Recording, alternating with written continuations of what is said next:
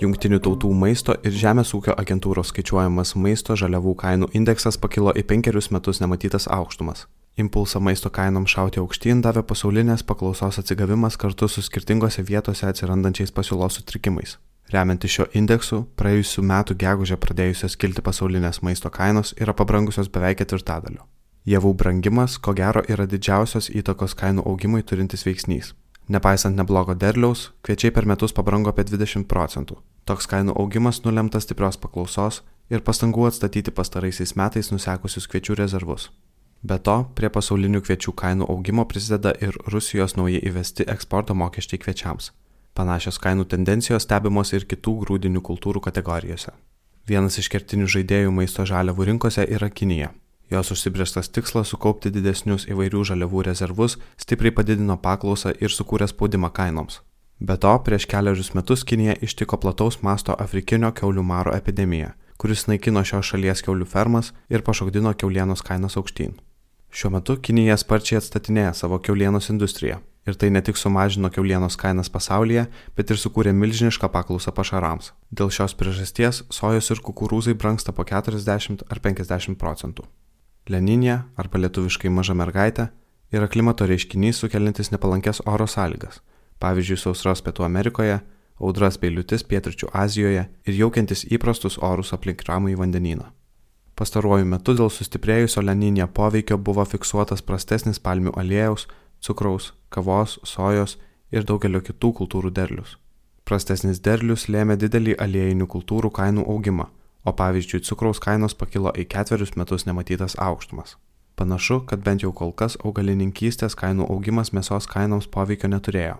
Pasaulinės mėsos kainos yra 7 procentai žemesnės nei prieš metus. Prie to stipriai prisideda atkuriamos keulių bandos Kinijoje.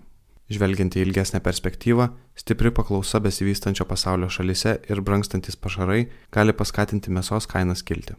Tuo metu pieno produktų kainos stabiliai kyla jau pusę metų ir yra 7 procentais aukštesnės lyginant su tuo pačiu laikotarpiu prieš metus.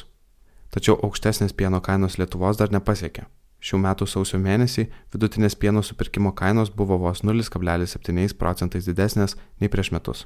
Pasaulinės maisto tiekimo grandinės yra ilgos ir sudėtingos. Prieš pasiekdami savo vartotoją, maisto produktai dažnai apkeliauja ko ne pusę pasaulio.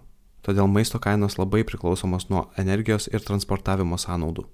Prie maisto kainų augimo pastarąjį pusmetį stipriai prisidėjo tiek į praėjusių metų lygį grįžusi naftos kaina, tiek o net dvigubai pabrangęs krovinių transportavimas jūros keliais. Gera žinia yra ta, kad naftos kainų augimas tikėtina artėja prie pabaigos. Naftos kaina jau priartėjo prie to lygio, kuris paskatina lankstesnę Junktinių Amerikos valstijų skalūnų naftos gavybą. Ji padidina pasiūlą ir pristabdo tolesnį naftos brangimą. Laivybos situacija yra kur kas sudėtingesnė. Dėl praėjusį pavasarį kilusios pasaulinės pandemijos daug krovinių buvo sustabdyti uostuose, be to pandemijai paskatinus medicininių prekių importą ir internetinės prekybos bumą, išsiderinusi laivyba sunkiai susitvarko su išaugusiais krovinių srautais. Šiandieninė pasaulio laivybos rinka yra nepaslanki. Naujų laivų statyba yra ilgai trunkantis procesas, o didžiuliai dešimtis tūkstančių konteinerių transportuojantis laivai nelabai geba padidinti transportavimo greitį tiek, kad galėtų kompensuoti pavasario trikdžius. Dėl šių priežasčių tikėtina, kad aukštos transportavimo kainos laikysis ilgesnį laiką, kol nerangi laivybos rinka ras būdų susitvarkyti su padidėjusiais prekių srautais. Dėl augančių anglės dvideginio emisijų ir jų sukeliamos klimato kaitos vis dažniau yra pastebimi įvairūs ekstremalūs oro reiškiniai - audros, sausros, potviniai ir kita. Ekstremalus oras vienareikšmiškai neigiamai veikia žemdirbystę ir tai artimiausius keletą dešimtmečių prisidės prie maisto kainų nestabilumo. Kova su klimato kaita irgi turi savo kainą. Europos darbo atvarkė kovojant su klimato kaita yra labai ambicinga. Anglės dvideginio taršos leidimų kainos matuojasi vis naujas aukštumas. Iki šiol žemės ūkis išvengė su klimato kaita susijusių mokesčių ir ūkininkams nereikėjo pirkti taršos leidimų, tačiau vargu ar tai galės tęsis amžinai. Žemės ūkis, o ypač gyvulininkystė, yra atsakingi už didelę dalį CO2 emisijų ir jei jos būtų apmokestinamos, tai be abejo pabrangintų gyvulininkystės produkciją. Be to, vis populiarėja idėja taikyti CO2 muitus, kurie papildomai apmokestintų importą, atsižvelgiant į produktų gamybos poveikį klimatui. Stebint Lietuvos vartotojų kainų indeksą, kol kas pasaulinių maisto žaliavų brangimo įtakos nematyti. Šių metų sausio mėnesį maisto kainos Lietuvoje buvo net šiek tiek mažesnės nei prieš metus. Tačiau čia svarbu pabrėžti, kad žaliavos sudaro tik dalį galutinės maisto produktų kainos ir tokie veiksniai kaip atlyginimai dažnų atveju turi nedidesnės įtakos. Be to, maisto kelias vartotojo link yra ilgas ir maisto žaliavų kainos paprastai galutinių produktų kainose atsispindi tik po 6 ar 8 mėnesių. O ir gamintojai nesėdi vietoje. Jie stengiasi valdyti žaliavų kainų riziką ieškodami alternatyvų, nes žino, jog visų išaugusių produkto kaštų negalės permesti galutiniam vartotojui.